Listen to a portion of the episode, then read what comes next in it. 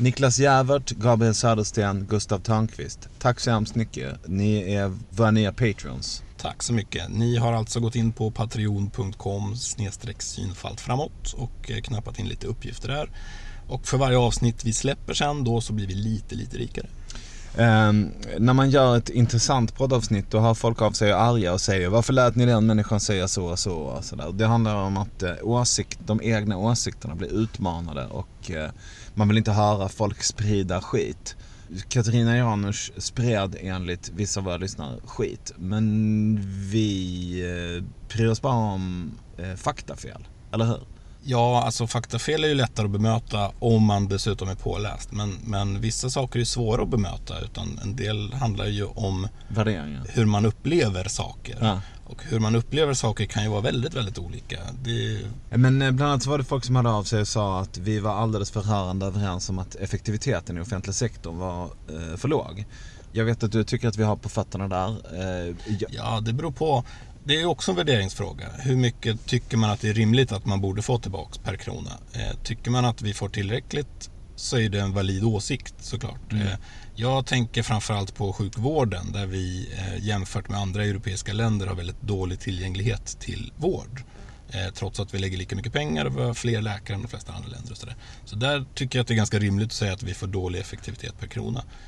Så där är vi överens då, Katarina och jag. Men vi har ju olika slutsatser. Men vi vill i alla fall vän- vända oss till den stora researchen allmänheten. Var inte det en rolig lek ord? Den stora detektiven allmänheten, den stora researchen allmänheten. Wisdom of the crowds. Vi eh, tänker att ni som lyssnar kan inte heller allt, precis som vi inte kan allt. Men tillsammans så kan vi en väldig massa. Så när ni hör någonting som är fel, då hör ni av er till eh, oss. Och den som slår hål på något riktigt idiotiskt eh, får 100 spänn. Så är det.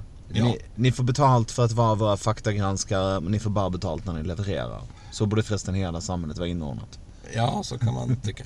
Eh, och det här gäller inte bara gästen, utan det gäller mig, Tobias och dig, Kristoffer också. Ja. Eh, hör ni oss säga någonting som är fel, hör av er eh, så kommer det pengar till dig. Eh, man kan gå in på Facebook-sidan eller till Appelstoffe eller Tobbo på Twitter eller så kan man mejla eh, hej synfältframåt.se. B- Eh, vi tycker det är skitroligt när ni hör av er också, både på Facebook-sidan och på, ja, Appelstoffe heter jag både på Twitter och Instagram och du heter Tobbo både på Twitter och Instagram. Ja, Eh, så hör gärna av er med ris och ros. och det är ju så. Många hör av sig eh, och säger snälla saker. Ja. Det, det här kändes som att vi behövde bemöta eftersom vi fick lite kritik. Men eh, vi gör vårt bästa och med er hjälp så kan vi bli ännu bättre tror jag tillsammans. Mm. Vi ska berätta om veckans sponsor. Det finns en podcast som heter Spelskaparna och det är Olle Landin som, eh, har, eh, ja, som ligger bakom den. Eh, veckans avsnitt handlar ju om någonting som heter Spelkollektivet. En kille i södra Småland, James Newnorth, har dragit igång det i, den gamla bruksorten Fridafors som ligger utanför Tingsryd. Fridafors gick under 200 personer i folkmängd för några år sedan och förlorade då sin eh, titel som tätort. Det är, man får inte vara tätort om man är färre än 200. Eh, om James Plan går i lås då kommer antalet inflyttade spelutvecklare att knuffa antalet över 200. De kommer få tillbaks titeln tätort. Det låter ju som ett ganska en, en, en udda vinkel på en podd som handlar om spelutveckling. Ja, eh, jag har lyssnat på det där avsnittet och eh, då intervjuas ju då de här som bor i det här eh, kollektivet. De sitter och kodar om dagarna och eh, de vill bli fler. Så är det någon som vill flytta dit och koda tillsammans med dem så finns det plats. Mm, det låter roligt. Det låter som en eh, rolig podd. Det där är väl en, alltså spelutvecklingsbranschen är väl rätt stor och Ja, jag tror att Sverige ligger i framkant där. Ja. ja, tack för att ni försörjer oss andra. Då kör vi veckans avsnitt. Nu rullar vi.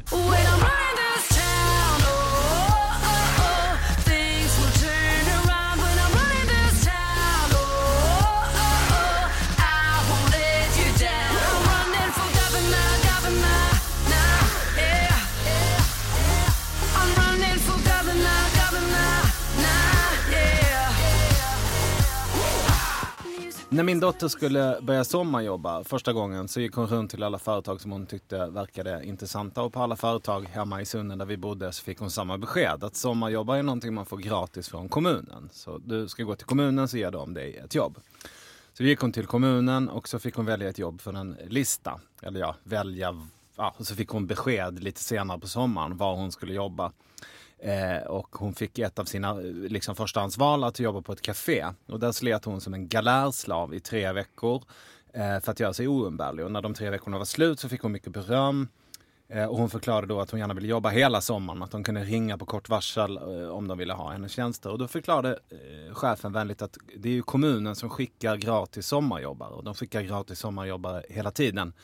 Så trots att min dotter var den bästa som de någonsin hade haft där så spelade liksom inte det någon roll eftersom hon inte var gratis. Sista dagen på sin sommarjobbsperiod så kom hon hem och var på väldigt dåligt humör. Eh, Och då förklarade jag för henne att det hon kände inombords var någonting som var helt naturligt. Att det hon kände var helt vanligt hat mot socialismen.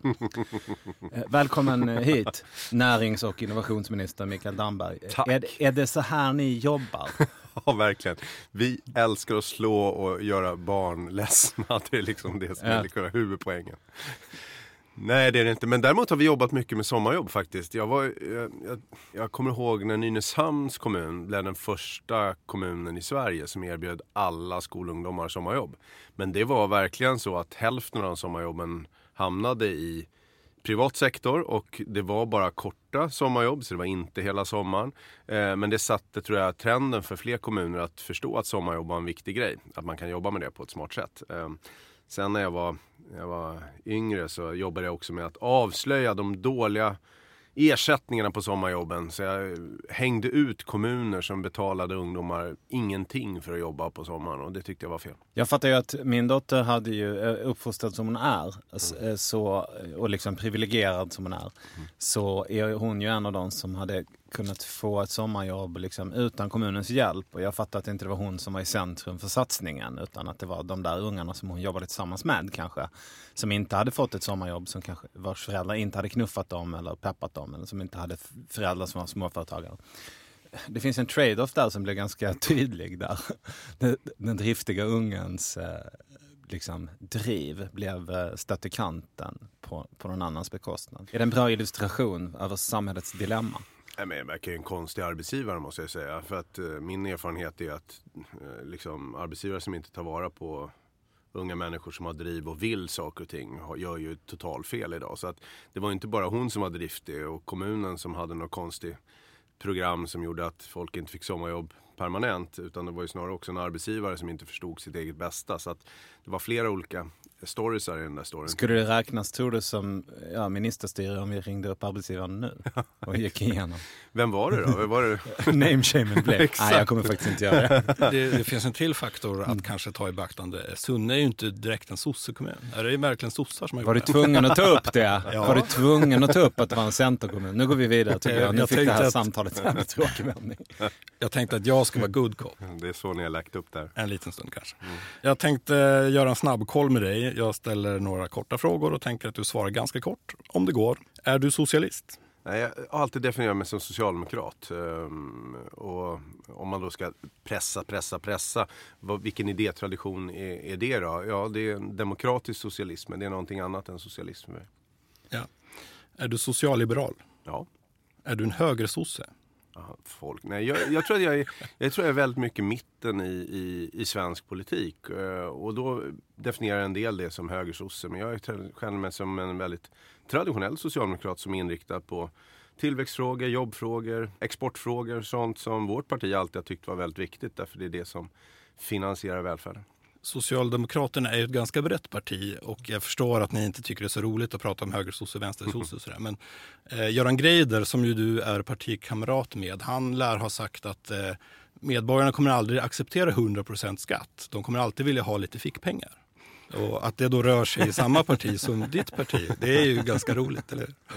Ja. Jo men det, det är, vi är ett stort parti med, med många olika individer men också en del olika intressen. Och, och det tror jag är en styrka för ett parti. För att om man...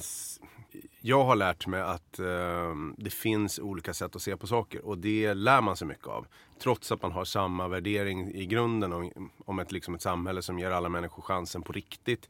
Och som har skapat, Sverige är ju ett av världens bästa länder att leva och växa upp i. Eh, och, och det har vårt parti varit med och bidragit till. Eh, och då tror jag man ska ha en viss ödmjukhet mot att olika, både partier men också personer i sitt eget parti kan ha något att bidra med. Även om de inte tycker exakt som en själv. Ja, ja eh, om man bara pratar med sådana som tycker precis som en själv, då lär man sig aldrig någonting. Nej, såklart. Borde vi lägga ner Arbetsförmedlingen? Nej, jag tror det vore fel. Däremot så måste ju Arbetsförmedlingen fungera både bättre eh, och man måste fundera på vad som är viktigast för Arbetsförmedlingen. Den här regeringen har försökt göra om väldigt mycket av Arbetsförmedlingen. Eh, det första vi gjorde det var att ta bort nästan hälften av alla detaljregleringar till Arbetsförmedlingen. För de var så otroligt styrda från Stockholm uppifrån. Så här ska ni mäta, det här ska ni göra. Och, och, och det blir ju inte bra. För när man väl kommer ut en lokal arbetsförmedling någonstans i Sunne eller vad det nu är. Då är det ju lokala arbetsgivare man ska träffa. Man ska eh, liksom få matchningen att funka och så. Så vi har försökt få Arbetsförmedlingen att bli mycket mer matchningsaktör istället för att bara snurra runt eh, långtidsarbetslösa. Nu såg jag att de borgerliga har sagt att de ska lägga ner eh, Arbetsförmedlingen. Och igen säga att matchning inte är så viktigt. Då förstår jag att man vill lägga ner Arbetsförmedlingen. Om inte matchning är viktigt, då ska vi inte ha Arbetsförmedling. Det var ju det som blev fel tycker jag under de borgerliga åren. Att Arbetsförmedlingen drog runt långtidsarbetslöshet snarare än att såg till att utgå från de behov som arbetsgivarna har. Men matchning är ju viktigt, men frågan är väl om Arbetsförmedlingen är bra på att lösa problemet. Nej, men och då ska man veta att under ja, en ganska lång tids år så, så var matchning inte det viktigaste för Arbetsförmedlingen. Styrdokumenten från den förra regeringen var inte på matchning. Och det är det man skriver igen från de borgerliga, att nej, matchning är inte så viktigt, det ska andra göra. Men varför ska man ha en arbetsförmedling som inte sysslar med matchning? Jag fattar inte det. Då tycker jag, då, då kan man verkligen lägga ner Arbetsförmedling. Jag träffar ju många företagare i mitt jobb. Jag är väl medveten om att många företagare inte använder Arbetsförmedlingen så mycket. Man kanske använder kontakter, man kanske har anställda som har sitt kontaktnät och så. Och det är väl fine, men det är också ganska effektivt för ett samhälle om man kan få en arbetsförmedling att funka som gör att det blir lite lättare att matcha eh, kompetens med, med, med de behov som finns på arbetsmarknaden. Kan vi inte bara ta ett litet snack om ordet matchning? För att eh, i dessa tider där vi har liksom eh, Blocket, TipTap-appen, eh, Tinder, eh, you name it. Det, det sker ju matchning i parti minut av olika slag. Vad är det just med den här sortens matchning? Tiggsvetsar i Sveg sökes. Vad, är, vad är det som gör att det behövs en myndighet med 20 000 anställda för att lösa den uppgiften? Därför att de flesta som är arbetslösa idag har fel kompetens för att ta det där svetsjobbet. Och då behövs det en myndighet som eh, liksom jobbar för att fylla de lediga platserna vi har i ekonomin. Inte bara jobba med utbildning eller stöd till arbetslösa på någon slags idégrund att vi rullar runt arbetslöshet. Utan oj, här hade vi behov av folk i köket på restaurangskolan. Eh, vi hade i industrin om en svetsare och en målare.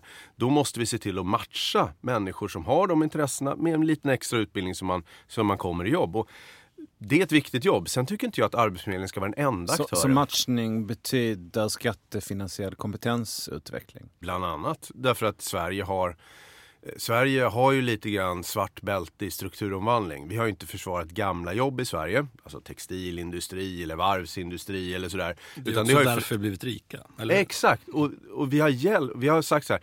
Vi har sagt i samhället att vi har en modell som hjälper människor från ett gammalt jobb till ett nytt jobb. Och då är eh, en vidareutbildning eller en extra utbildning, kanske också lite stöd Alltså för dig att veta hur söker man ett jobb? Om jag har jobbat på samma ställe i 25 år och sen blir jag av med jobbet. Hur gör jag då för att få ett nytt jobb? Det är inte alla som kanske har det självförtroendet. Då måste man bygga upp de människorna med lite utbildning och matchning för att kunna komma in på arbetsmarknaden. Annars tappar vi jättemycket folk och då blir det dyrt för samhället. Borde vi lägga ner Postnord? Ja, nej, jag hoppas att vi kan rädda det. jag har fått jobba ganska mycket med Postnord den här mandatperioden. De har fortfarande stora problem, framförallt med kvalitet och förtroende i Sverige. Men, men det har ju att göra med en ekonomisk utgångspunkt också. Ehm, Ja, det har att göra med att de fortfarande inte har lämnat ifrån sig alla julklapparna. Jo, beställde du några julklappar från Postnord? Eh. Fick, de, fick du inte fram dem? Jag beställde mina julklappar från Postnord. Jag fick fram dem vill jag bara säga. Postnord, Postnord levererade mina julklappar i början av mars. Ja. Och min bedömning är att hälften av alla julklappar ligger i den triangeln som blir om man ritar ett streck mellan Florida, Bermuda och Puerto Rico. Ja, den där, där- tror jag att Postnord har Den lagt där alla. eh, triangeln, den där ökända. Ja. Men eh, jag har fått jag har fått ägna ganska mycket tid åt att försöka städa upp ekonomiskt i Postnord. Eh, och nu har vi nått en överenskommelse med danskarna som också äger Postnord med oss. Eh, där de går in med väldigt mycket pengar och vi går in med en del pengar, inte lika mycket pengar. För att ge dem ekonomiska förutsättningar att ställa om och klara kvalitetsfrågorna. Men eh, jag tror fortfarande att vi behöver en post och samhällsservice i Sverige där folk kan både få post och paket över Sverige. Ja. Vad är lättare med att driva företag i Sverige jämfört med andra länder? Vi rankas ju väldigt högt och jag tror att det är, det är mer generella saker. Inte minst att vi är ganska digitala så att om du vill ansöka om något eller om du vill teckna ett elabonnemang eller om du vill så går det väldigt snabbt att göra. Till och med bankärenden i Sverige går ju hy- hyggligt smart och enkelt. Om du däremot är i Italien så måste du ha med en massa papper och ha någon ombud och diskutera. Det är ganska Möjligen också en pistol. ja, exakt. Så det är klart, vi har kommit långt i samhällsinstitutioner som gör det lätt. Så att, eh, äh, Sverige är ett av, vi rankas ju väldigt högt när det gäller att faktiskt enkelt att driva företag. Vad är nackdelarna då? Eller vad är svårare att driva för- företag i Sverige? Nej, men, eh, vi är ett välorganiserat samhälle så det betyder ju att vi har fler regler än eh, ett samhälle som inte har några regler. Så är det. Så många företagare som jag upplever i alla fall tycker att det är ganska knepigt att veta hur man ska göra rätt. Inte så här man- alltid tycker att vi ska inte ha några regler. Men hur ska man veta vilka regler som finns och när de ändras? Och där tycker jag att, att Sverige har tappat på kanske tio års tid ganska ordentligt. Eh, om vi tänker på hur våra privatekonomier fungerar, eller hur vi som privatpersoner, då använder vi våra smartphones till allt. Det, liksom, det har blivit otroligt mycket enklare i våra privata liv.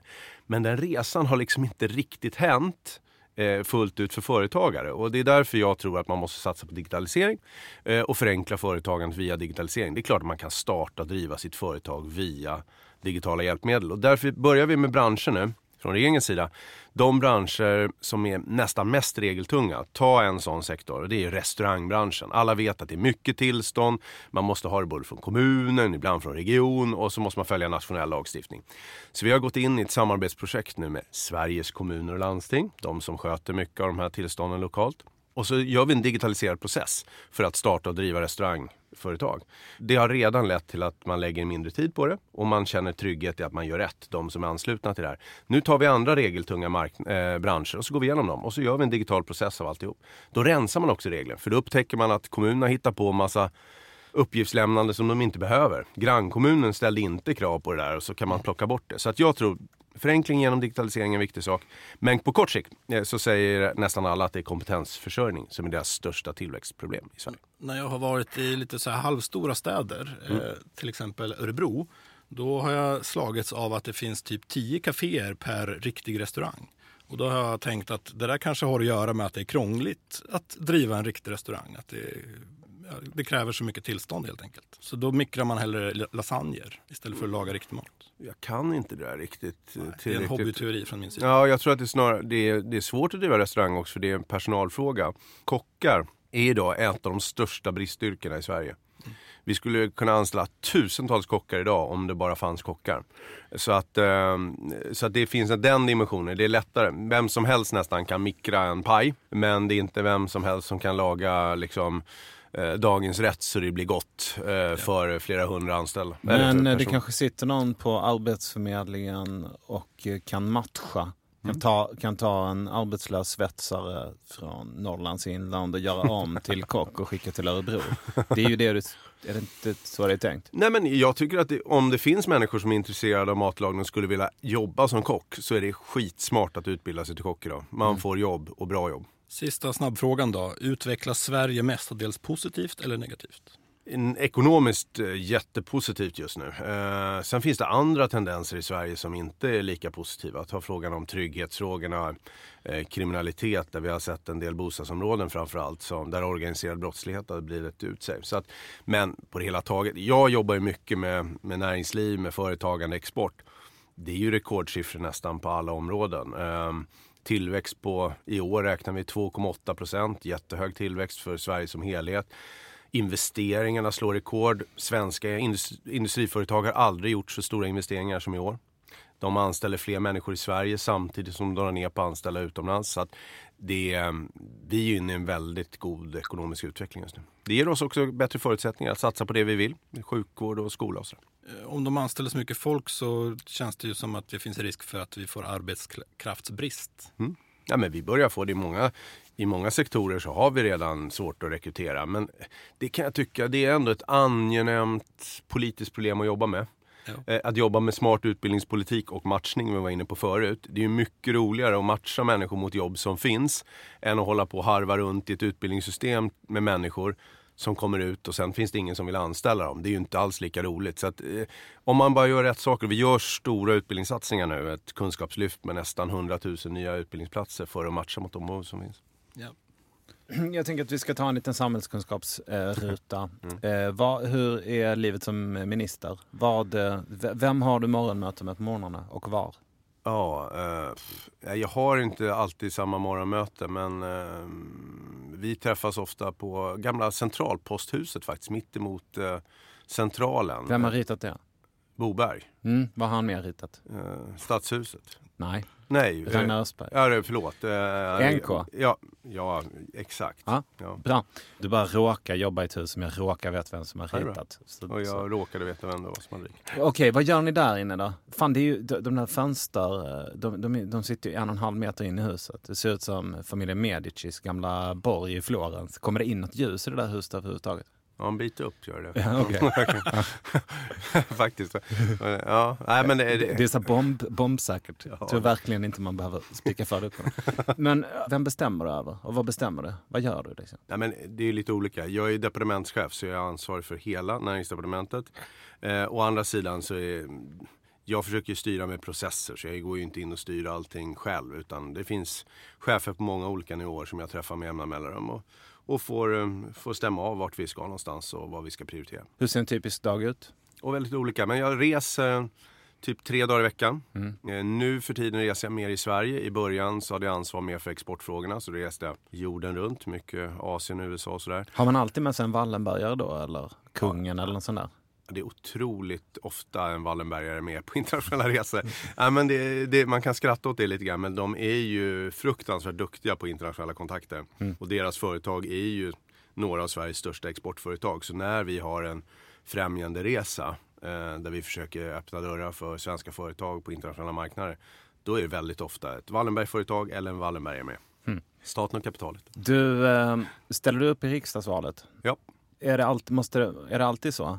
En, en minister eh, är väl inte alltid, ställer väl inte alltid upp i ett val? Alltså, man kan väl ha fått jobbet av, av eh, Löfven Mm. och inte liksom varit påtänkt för att sitta, eller hur är det? Sitter en minister alltid i riksdagen Nej. eller aldrig, eller hur funkar det? Statsministern väljer ju vilka eh, han hon vill ha i regeringen och eh, det, det spelar ingen roll vad man har för uppdrag då. Men däremot om man är riksdagsledamot så har man ju ett eget mandat. Man har ju blivit vald av, av någon och eh, företräder någon och det kan ju vara skönt att ha i politiken. Men kan det också vara en belastning att man säger det här vill inte, det här, sorry chefen, men det här vill inte jag göra för mina väljare kommer bli arga på mig då. Det är ganska ofta vi partierna har de interna diskussionerna om vad som man egentligen ska satsa på eller inte satsa på och hur, det, hur förslagen slår mot, eh, mot sin valkrets kanske eller vad det nu kan vara. Så det är väl inte ovanligt, det brukar vara så i politiken. Jag tänkte vi skulle snacka lite om dig också. Mm. Du är uppvuxen i socialdemokratin, Mm. mer eller mindre. Mm. Berätta. Ja, eh, för mig kanske det inte har känts så riktigt. Fast efter, när jag blev lite äldre så upptäckte jag att det var på det sättet. Eh, mamma var så här lokalpolitiskt engagerad i, i, i Solna där jag är uppvuxen eh, för Socialdemokraterna. Men hon hade ju varit aktiv redan i Finland innan hon blev krigsbarn och, och sen flyttade till Sverige senare. Så att hon, hon var aktiv i Finland. Och min pappa kommer från Röda Ådalen. Han har både, både varit eh, liksom fackligt engagerad men också politiskt engagerad i hela sitt liv. Eh, nu har han gått bort. Men, så jag är uppvuxen i en socialdemokratisk familj, verkligen. Men vad hände i Ådalen? Kan du dra det på 30 sekunder? Det var senaste gången, eller förhoppningsvis sista gången som det hände att eh, militär sköt mot arbetare som strejkade och som hade en demonstrationståg. Eh, Och människor dog. Så att det- var en dramatisk händelse i svensk historia. Men, Ja, men de röda var ju kommunister och eh, Socialdemokraterna eh, accepterade väl att man var tvungen att sätta in militär. Så när du säger att man har en röd bakgrund, då är det inte sossebakgrunden du syftar på där. Nej men det var inte så att det var Socialdemokraterna som satte in militär i Ådalen. Det Nej, det var Snarare blev det en startskott för en stor diskussion om att så kan man inte göra i ett samhälle. Nej, det kan ju vi hålla med om. Mm. Ja. Du har ju liksom det där, de där värderingarna med dig Mm. i blodet. Vad är- och du, är, du har ju, var ju SSU-ordförande. Mm. Har du liksom varit utanför, har du varit utanför socialdemokratin någonting? Nej, jag har, jag har aldrig fått eh, ha det här privilegiet att göra så här revolt mot mina föräldrar och ta en egen linje. Det blev aldrig så. För mina föräldrar, när jag var, var liten, då sa de ska du vara med i Unga Örnar? Eller så här. Jag tyckte det verkade jättetråkigt. Jag fattade inte poängen med det alls. Så jag var inte med liksom så. Men däremot så på gymnasiet så fick jag ett politiskt uppvaknande och tyckte att det verkade otroligt spännande och intressant med politik och att jag ville engagera mig. Och då kändes det väldigt naturligt att välja Socialdemokraterna. Så jag har varit socialdemokrat sedan gymnasiet. Har du haft ett riktigt jobb? Jag har haft flera jobb, eh, men jag, har ju så här, jag är utbildad förvaltningsekonom. Smaka på den eh, roliga titeln. Eh, så det beror på hur man definierar ett riktigt jobb. Men det är jag, en- är liksom inte i, det- i gränslandet mellan politik och juridik eh, och, och statsförvaltning. så där har jag min utbildning och så nu har jag blivit politiker så det är inte så långt ifrån den utbildning jag faktiskt gjorde. Nej, men har du haft ett riktigt jobb? Ja, jag har haft massa små, jag har haft massa extra jobb. Men Vad har du jobbat väl-? Jag har jobbat som flyttgubbe och jag har jobbat i butik och mycket sånt där. Men när jag väl började jobba på riktigt, då började jag jobba politiskt. Så, Har du varit med och drivit företag någon gång? Nej, jag har aldrig gjort det. Båda mina bröder gör det. Så att eh, det finns ju i släkten. Eh, nu har ju du varit näringsminister i snart fyra år. Mm. Hur många jobb har du skapat? Exakt, nej. Jag trodde att jag skulle svara med. Ja, men vi har haft en period när det har skapats mycket jobb också i, i privat sektor. Om man runda, runda slängar så kan man säga att det är 250 000 fler människor som går till jobbet idag jämfört med för fyra år sedan. Ungefär 150 000 av dem är i privat sektor. Jag skulle aldrig påstå att det är jag som näringsminister som har skapat de jobben. Men jag tror att jag har valt att prioritera en del frågor som har haft betydelse för jobbtillväxten. Ja. Jag jobbade fram en exportstrategi som skulle få fler små företag att våga gå på export. Men också att Sverige skulle vara mer närvarande på internationella marknader där det växer. Asien till exempel.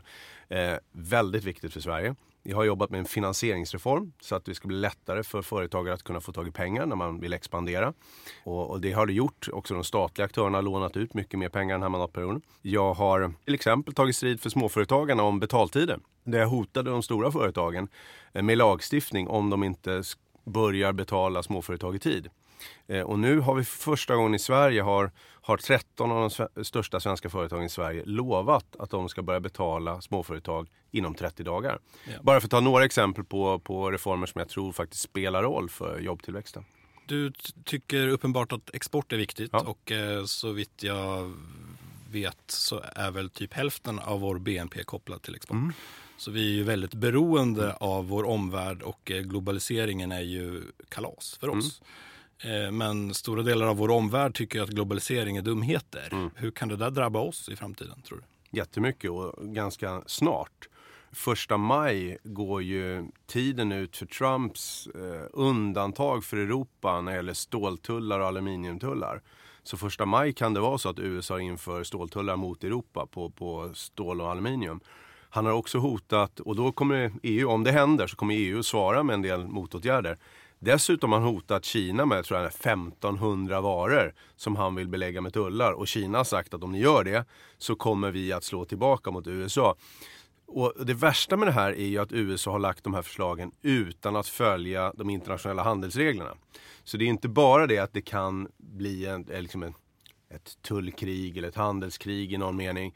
Det skulle också kunna vara så att de regler vi har för internationell handel utmanas. Och det är farligt för Sverige som bygger så mycket av vårt välstånd på, på handel. Eh, Vi har väl eh, dragit dem där till tinget en Mm. gång innan. Vad heter det? Är det i... WTO. WTO, Mm. ja. Det gick väl bra den gången. Kan vi inte göra det igen? Jo, eh, fast det tar ju väldigt lång tid innan de här utslagen kommer. Och då betyder det att i väntan på det så kommer nog inte europeisk stålindustri att acceptera att USAs stålindustri bryter mot reglerna på något sätt och inte följer internationella spelregler. Och då tvingas vi in i en diskussion där, där Europa kan behöva vidta en del åtgärder. Inte lika hårda åtgärder har inte diskuterats. Så även om det skulle hända så kommer Europa inte att möta krona för krona men man kommer att markera att det här är över gränsen. Så vi får se. Trump är väldigt oförutsägbar. Han kanske mer har sagt det här, det kanske inte blir så. Eh, så vi hoppas ju fortfarande, vi jobbar för en öppen handel Men- i världen.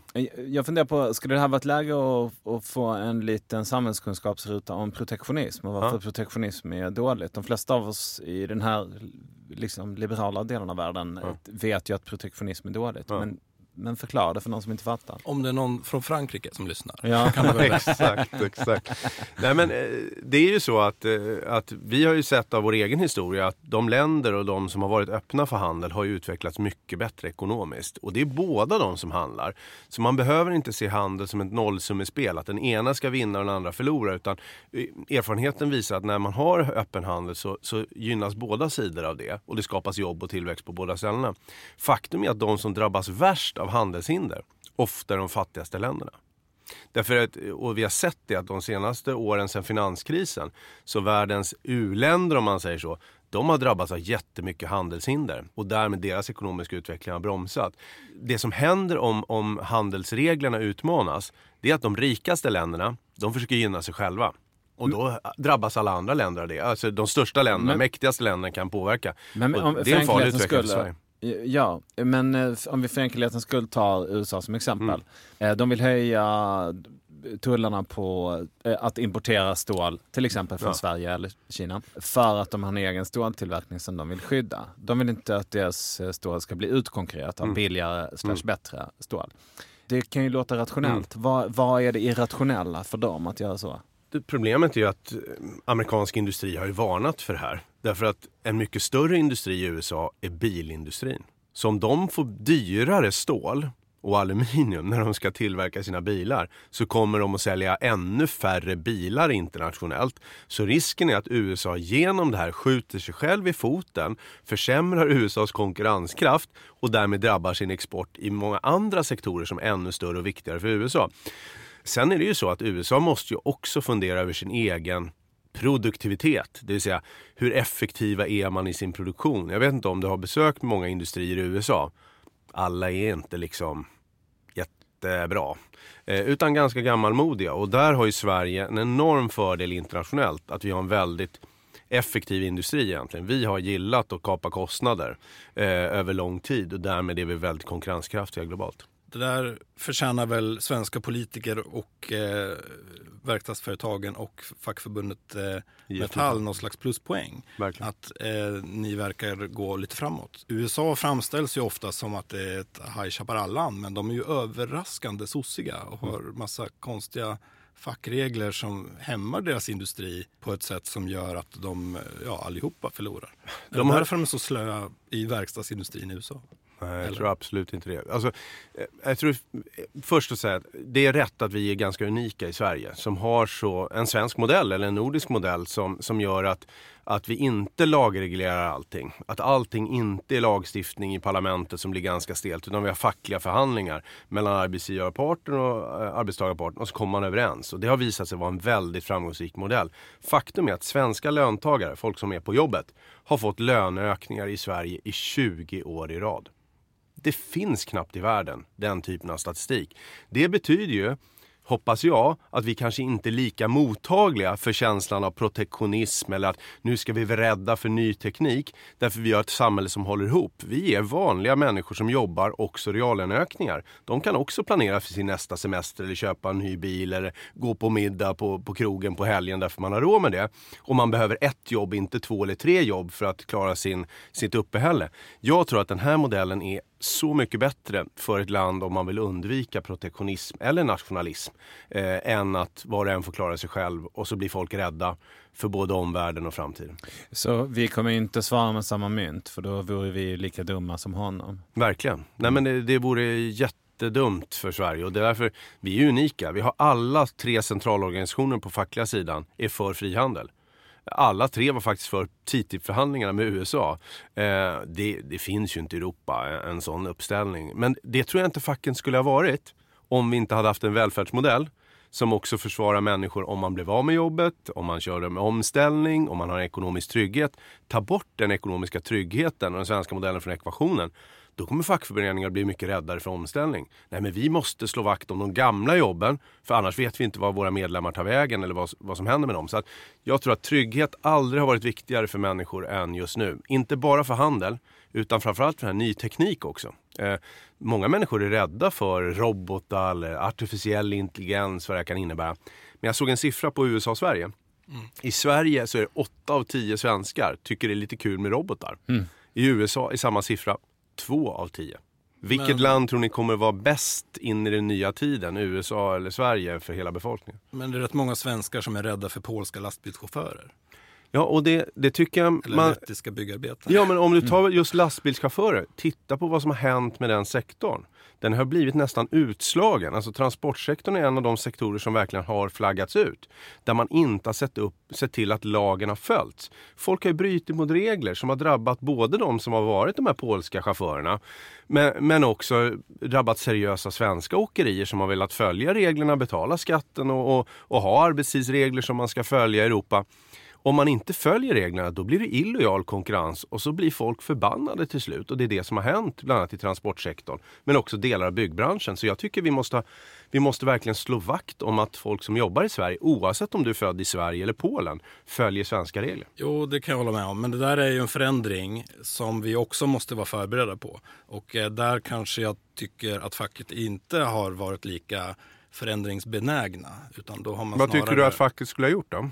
Ja, men du, du säger att verkstadsindustrierna, vi kommer från ämnet här lite tror jag, men Mm. du säger att verk, verkstadsindustrierna är bra på bytte att eh, eh, anpassa sig när världen förändras. Och det, det håller jag med om. Men jag bara säger att facken kanske inte alltid har varit så bra på att ta sig an de där förändringarna. Man måste verkligen se att det är två parter som måste spela ihop och det är det som är den svenska modellen. Om man inte gör det då blir det dåligt. Men jag tycker att inte minst i transportsektorn, jag förstår att de fackliga organisationerna har varit förbannade där. Därför man har inte sett till att upprätthålla lagstiftningen. Man har inte sett till att man kan göra ett bra fackligt jobb och det har lett till att människor har utnyttjats och att svenska åkerier har flaggats ut. Det är inte bra för någon tycker jag. Ja. Antalet företag i Sverige har blivit fler under lång tid. Är det bra? Ja, det är bra. Men jag är mest, jag, jag har, som näringsminister har jag faktiskt valt att inte i första hand räkna antal nystartade företag eller företag som har gått i konkurs. Jag tycker det är jättekul om det startas nya företag som näringsminister. Men det absolut viktigaste är ju växande företag. Ja. Alltså för, för att man kan starta ett företag av lite olika skäl. Man kanske vill ha det lite vid sidan av, man har det lite som en extra jobb och så. Men, men som näringsminister tror jag att fokus bör vara på just växande företag. Och då är vi tillbaka på kompetens, finansiering och export som är ofta drivkrafter för att växande företag. Det finns ju många som startar företag för att de har svårt att få en anställning. Mm. Eh, Inte lika många just idag för att arbetsmarknaden är väldigt het. Ja. Ja, men brukar- Eh, ja, men eh, det betyder ju i praktiken att de försöker lösa sin egen försörjning. Exakt. Men det slutar med att de har kanske 50-60 procent av eh, vad som anses vara en minimilön. Mm. Vad, vad ska man göra åt sånt? Ja, det är ett problem tycker jag. Eh, För jag vill ju att människor startar företag för att de har en idé, de har en affärsplan, de har liksom passion för någonting. Inte därför att de känner sig tvingade till det, därför att de inte fick någon annan möjlighet på arbetsmarknaden. Där har vi just nu en utredning som tittar lite grann på F-skattsedeln till exempel.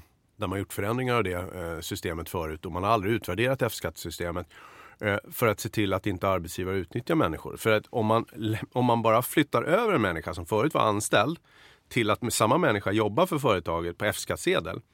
Då har ju arbetstagaren, den som jobbar, fått ta hela risken i sociala sammanhang. För man har ju inte alls samma trygghetssystem Men det är om man har väl, får man göra så? Det ska väl inte vara anställningsliknande då? Ja, det är ju... För att få F-skattsedeln måste man visa att det inte, att det Mm. inte just handlar om det där. Men i, idag räcker det med att ha en arbetsgivare. Förut behövde man flera arbetsgivare till Ja. exempel. Så att vi utreder det där för att titta på hur det ser ut egentligen.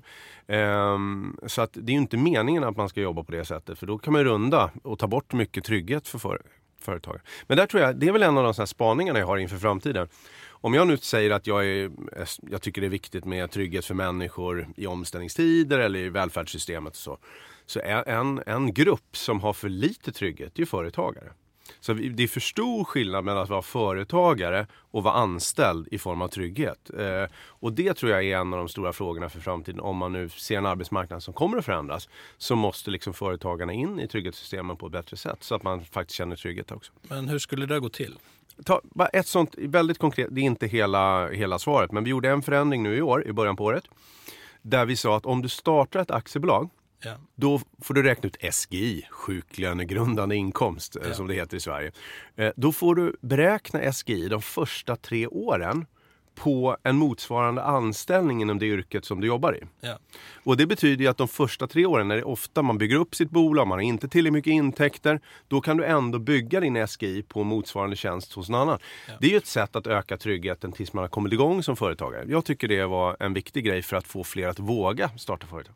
Jag hörde om en person som startade aktiebolag. En vecka senare bröt han båda ben och kunde inte jobba på flera månader och fick noll kronor i sjukersättning. Eh, Så det där är ju behövlig regel. Ja. Men eh, en företagstrygghet handlar ju om eh, att jobba. Speciellt som ny egenföretagare, då är man ju hela tiden på någon slags skala mellan 100% arbetslöshet och 0% arbetslöshet. Och eh, ja, lyckas man komma över hälften av arbetstiden, ja då kanske man hankar sig fram på ett bra sätt. Men man kan inte vara relativt arbetslös. Så att om jag till exempel bedömer att nu går min firma för dåligt så nu måste jag eh, skriva in mig på eh, a-kassan. Då får jag ju inte jobba. Det är väldigt förvirrande det där. Eh, det finns en 1-0-faktor. Så i slutändan så tänker jag att den enda tryggheten en företagare kan ha det är eget sparande.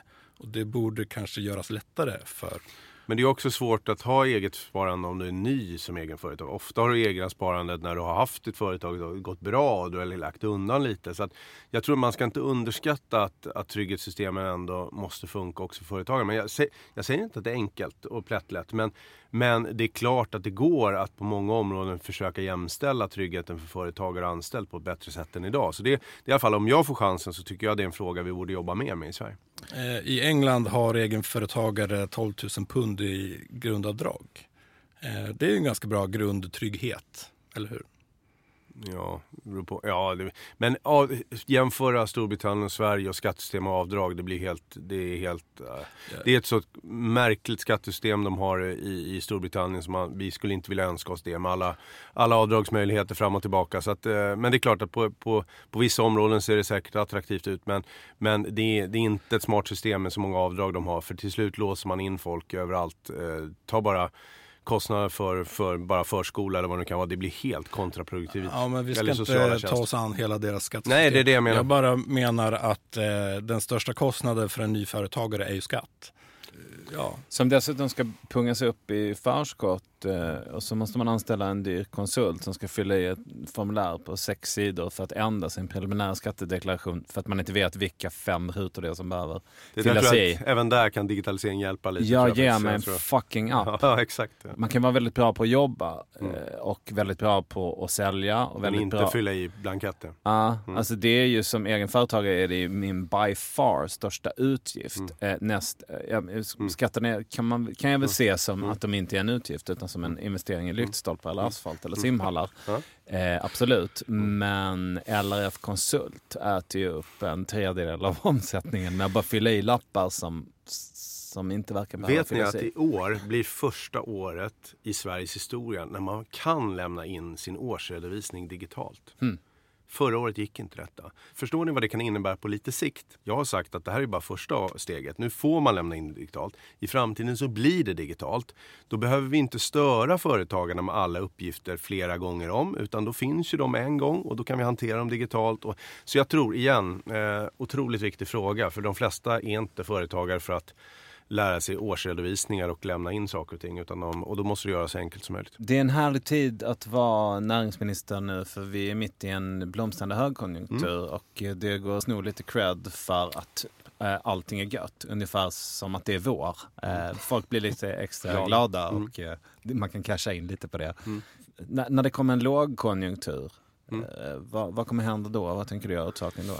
Först innan det blir en lågkonjunktur så måste vi fundera på hur håller vi i den här konjunkturen de närmaste åren? Alltså hur, Är inte det lite som att säga hur håller vi i våren? Nej, Den det är kommer inte det. Nej, nej, men är så här. Jo, men det är klart. Jag fattar också att vi kommer att möta en lågkonjunktur framöver. Det är inget konstigt. Det går i konjunkturer eh, upp och ner, så det är inget konstigt. Men min poäng är att om man tittar på, på hur ekonomin funkar just nu. Det som skulle kunna hemmasnickrat i Sverige bromsa tillväxten. Då är det om vi inte investerar i infrastruktur, om vi inte investerar i, i utbildning och matchning eh, och om vi inte fixar bostadspolitik. Och på landsbygden skulle jag vilja säga bredbandssatsningar också för det riskerar att bromsa upp ganska mycket. De här investeringarna nu blir sjukt viktiga de här kommande åren. Annars kommer ekonomin att börja bromsa in. Det låter som klassisk så här, Mm. Keynes-teori. Lite så, för annars får du flaskhalsar. Annars får du betala för mycket för de här nyttigheterna och det blir väldigt dyrt för näringslivet. Så med nästa lågkonjunktur då, vad kan vi göra för att förbereda oss för det? För det var ju din, din stora Ja, fråga. men du svarar på det, det är Nej, infrastruktursatsningar. det är inför. Ja, det var för att hålla igång det här, för att inte bromsa upp tillväxten. Inför nästa lågkonjunktur, då har vi en, en sak som är jätteviktigt i statsbudgeten. Sverige har väldigt stabila statsfinanser. Jag tror vi har lägsta statsskulden sedan 1977. Jag tror Elvis re- levde fortfarande 1977, bara för att sätta lite i perspektiv. Så vi har väldigt mycket muskler att sätta in i en lågkonjunktur från det offentliga om det behövs. Vad man nu kan vilja göra för pengarna. Man kan sänka skatten, man kan eh, bygga bostäder, man kan införa avdrag och hej hopp eh, i en lågkonjunktur. Men det andra som vi kan göra, det är att vi borde dra lärdom om vad hände förra finanskrisen. För det slogs ut väldigt mycket jobb i Sverige eh, efter 2008-2009. Och en av de sakerna som Sverige inte hade då, korttidsarbete hette det. Eh, nästan alla andra OECD-länder hade det eller införde det. Eh, men vi hade inte det. Och det slogs ut tiotusentals jobb i exportindustrin i onödan då. För det var ett system där staten hjälpte till lite för att företagen inte automatiskt skulle sparka alla i den här hastiga konjunkturnedgången. Eh, utan man kunde jobba med kompetensfrågor kanske eller så och komma tillbaka. Tyskarna räddade tiotusentals jobb. Eh, Sverige hade inte det. Så vi har satt till en utredning för att titta på om vi kan göra om det där systemet. Så Vad är det för något korttids? det, det var ungefär, en variant av det som faktiskt Stefan Löfven gjorde som IF Metalls ordförande. Han tecknade ett sånt här krisavtal då under krisen där de anställda fick gå ner i arbetstid under en tid. Eh, men de behöll jobbet och sen eh, kunde industrin växla upp efteråt. Nu har vi ett sånt system i många länder, inklusive faktiskt Sverige, även om det är ett konstigt system vi har i Sverige. Eh, där staten tar en del av de här kostnaderna också, så man inte behöver bli av med jobbet helt och hållet. Utan man kan gå ner lite i arbetstid, få lite stöd för utbildning som vi tittar på och sen kunna växla upp framöver. Så man bättrar på också kompetensen hos de anställda. Inte minst digitalisering, automatisering blir viktiga frågor för, för många som är anställda. In, inte minst i industrin. På 50 och 60-talet hade vi stor arbetskraftsinvandring och som bidrag till den oerhörda tillväxten under många år. Sen så har vi börjat med det igen i närtid och eh, både på den tiden och nu så har det ändå varit när vi har haft väldigt god tillväxt. Eh, så den här arbetskraften har ju väldigt eh, i stor utsträckning kommit till stor nytta. Det var då italienare och jugoslaver kom till Malmö och kom, kom en ny matkultur och eh, befolkade eh, arbetsplatserna. De, kom, de bodde en vecka innan de började jobba heltid och eh, i bästa fall lärde de sig svenska på arbetsplatsen. I vanliga fall lärde de sig aldrig svenska men blev ändå på något sätt accepterade. Vi har en romantisk bild av det där. Absolut. Nu så börjar partikamrater till dig problematisera arbetskraftsinvandringen och eh, med tanke på vad mycket gott det har lett till förr så är det ganska överraskande. Eh, om vi nu ska vara globalister, ja vi är beroende av vår omvärld och så vidare. Varför kan vi inte vara globalister även när det gäller arbetskraft? Nej, men jag tycker det är en helt fel tolkning av läget. Eh, Sverige är ju idag helt annorlunda än andra länder när det gäller just reglerna kring arbetskraftsinvandring. Vi har ju valt i Sverige en modell som, som den förra regeringen gick fram med ett lagförslag som innebär i princip att alla som kan visa upp att man, man får ett jobb får komma till Sverige oavsett vad det är för jobb. Vi har alltså hundratals tidningsbud som kommer från Mongoliet eller från, eh, som diskar i, i kök eller som, som jobbar i branscher som inte kräver någon form av nästan formell utbildning. Samtidigt som det tar väldigt lång tid för folk som är IT-specialister eller forskare att få arbetstillstånd. Det beror ju på att vi har byggt ett och samma system. En skjorta som ska passa alla. Eh, det vi har föreslagit är en skild arbetskraftsinvandring för skiljer mellan de områden där vi har brist idag och vi har ganska många delar av svensk arbetsmarknad där vi har brist. Där det måste gå fortare, det måste gå snabbare, det måste vara enklare att ta hit folk. Men det finns ingen liksom, naturlag som säger att vi måste ha tidningsbud från utanför Europa när vi har människor som har kommit till Sverige och som vi kämpar med ska etableras i vårt samhälle. Det är väl rimligt att de jobben i första hand går till de människor som redan finns här som, som behöver sitt första jobb på svensk arbetsmarknad. Det är den traditionella bilden av svensk... Så var det på 50-talet i Sverige. Det var inte så att på 50-talet så hade vi fri invandring till Sverige. Så var det inte och det ska vi nog inte ha. Men vad är det som gör att eh, de här i Sverige som skulle kunna ta jobben ändå inte gör det? Nej, men det är väl flera olika saker. Eh, Dels eh, tror jag att en del av de som har kommit till de här riktiga låglöneyrkena som vi talar om nu. Det har ju varit ganska mycket rapporter om att en del av dem har ju inte kommit och de får inte ens den lön som, som de säger att de ska få. För det här blev sättet för dem att köpa sig en biljett in i Sverige. Och då får de lova att diska på restaurangen i fem år och ändå inte få betalt för det de ska göra. Men det var deras chans att komma till Sverige och få stanna i Sverige. Vi får inte vara naiva i att det här också förekommer på, på svensk arbetsmarknad och vi tycker att det är rimligt att där, där människor kommer där det inte finns brist eh, på svensk arbetsmarknad, där, där tycker vi att, eh, där förbehåller vi oss rätten att i första hand använda människor som redan har kommit till Sverige och få ta de jobben. Vi spelade ju in avsnitt under 2014 och eh, under Almedalsveckan där så träffade vi Niklas Nordström som jag förmodar är en god vän till dig. Ja. Eh, han eh, problematiserade det här med att de har hur mycket jobb som helst där uppe i Norrland men eh, folk söderöver som inte har jobb vill inte flytta dit. Eh, om nu folk inte vill flytta till Norrland så är det väl bra om mong- mongolier vill göra det. Ja. Men vi måste ju också upprätthålla det system vi har. Vi har ju ett system som innebär att om du till exempel har a-kassa, då måste du ta jobb. Du får inte tacka nej till jobb och, och behålla a-kassan till exempel. Så det är en viktig princip vi har som innebär en arbetslinje som innebär att, uh, att du ska kunna ta jobb också på andra ställen om, uh, om du kan göra det.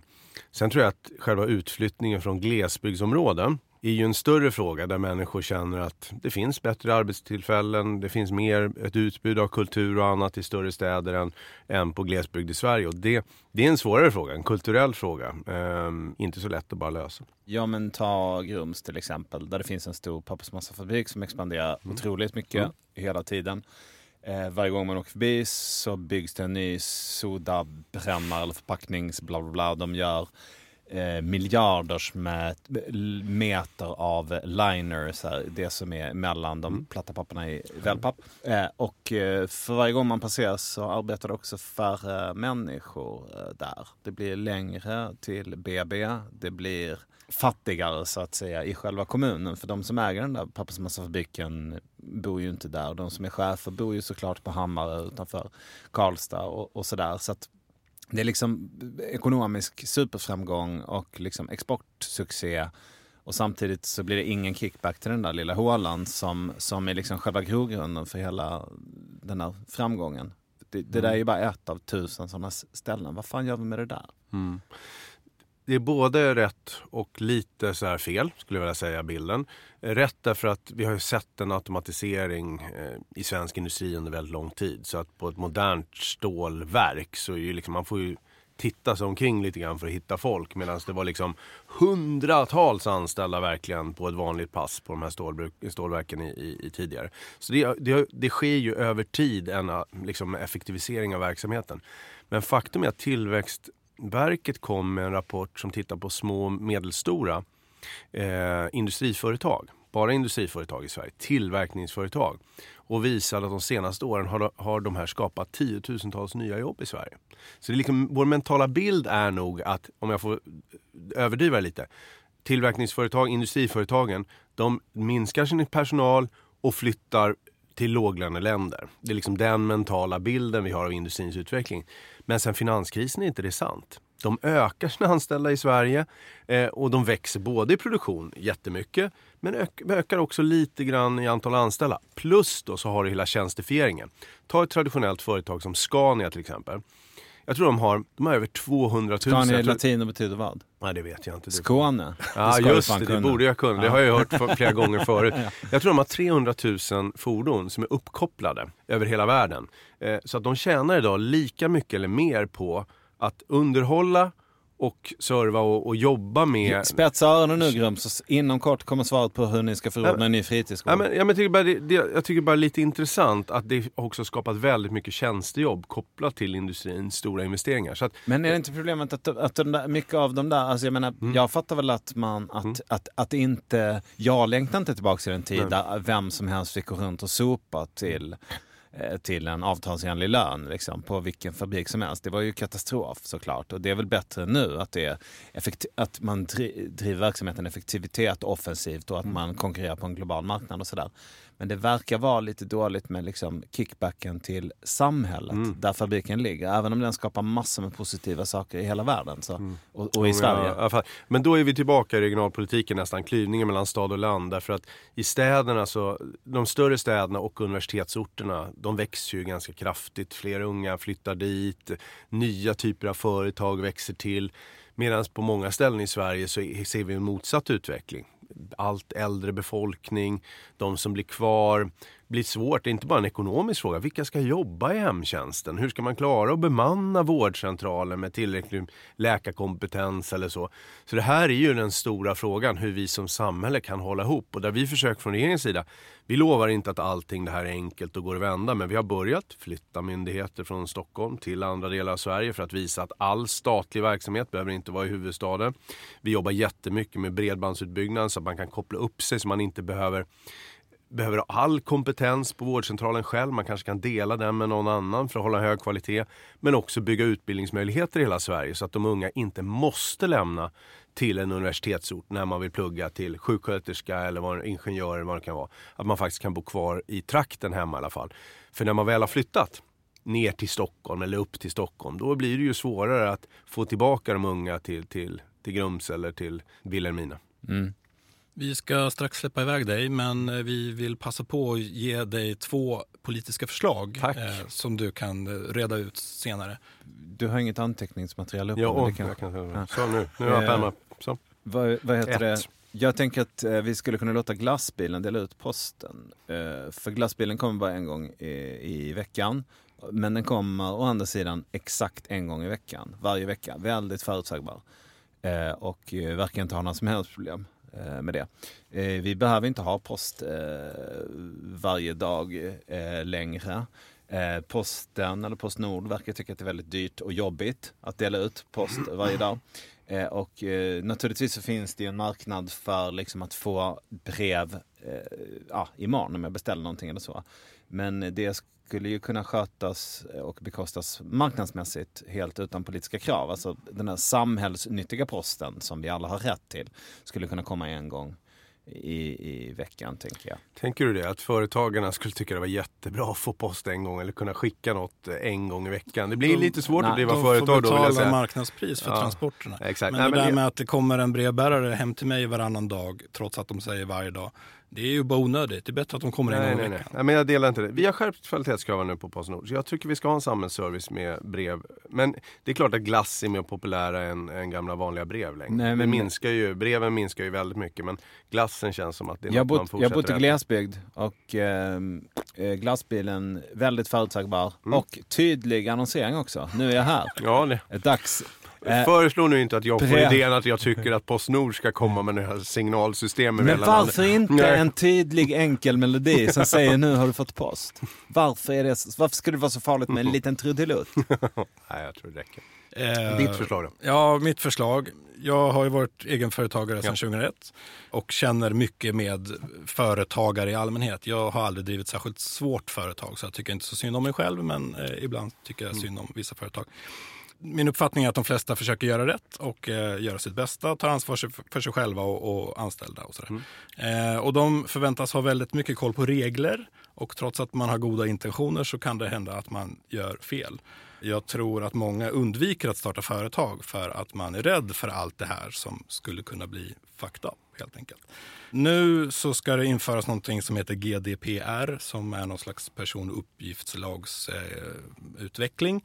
Och eh, det är ju guldrush i konsultbranschen. De drar runt till de stora företagen och berättar hur de ska förändra på allting. Men de små företagen, de har inte råd att anlita de här konsulterna och de har inte tid att läsa på heller. Så att eh, ja, om en månad ungefär, då finns det risk att de här företagen får böta 4% av sin omsättning för att de inte uppfyller reglerna. Trots att de försöker göra sitt bästa, de bidrar till eh, statskassan som ni hjälps åt att fästa upp i efterhand. Vad jag skulle önska det är att eh, regler ska naturligtvis följas men jag tycker inte man ska få böter om man inte har uppvisat grov oaktsamhet. Eh, har jag gjort fel så vill jag gärna ha en varning och eh, en puff i rätt riktning. Men de flesta, allra flesta försöker göra rätt och de försöker göra sitt bästa. Okay. Bra, men då har jag ett tips också. Alla de som lyssnar nu och har lite ångest över den här förändringen. Gå in på verksam.se för där finns det en ganska enkel manual för vad man ska tänka på som småföretag för att hantera de här reglerna rätt så man slipper vara orolig för att man gör fel. Så verksam.se, kolla in det där, få stöd och hjälp för att göra rätt så man inte behöver ha ångest för det. Och sen tycker jag också det vore roligt om fler småföretag vågade och, och ville börja anställa, att man vågade ta det steget. Därför vill jag slu- avslutningsvis göra reklam för att vi nu har infört ett växa-stöd som gör att när du börjar anställa din första person så kan du få en skatterabatt på 63 000 kronor första året. Det är väldigt få företagare som vet om det. Man kanske sliter själv och tycker att allting, man hinner inte med alla jobb och, och det är tufft. Då har man faktiskt möjlighet att testa på att anställa en under första året och få en rejäl skatterabatt. Ett bra förslag från regeringen. Mikael Damberg, Tack. tack för din tid. Tack.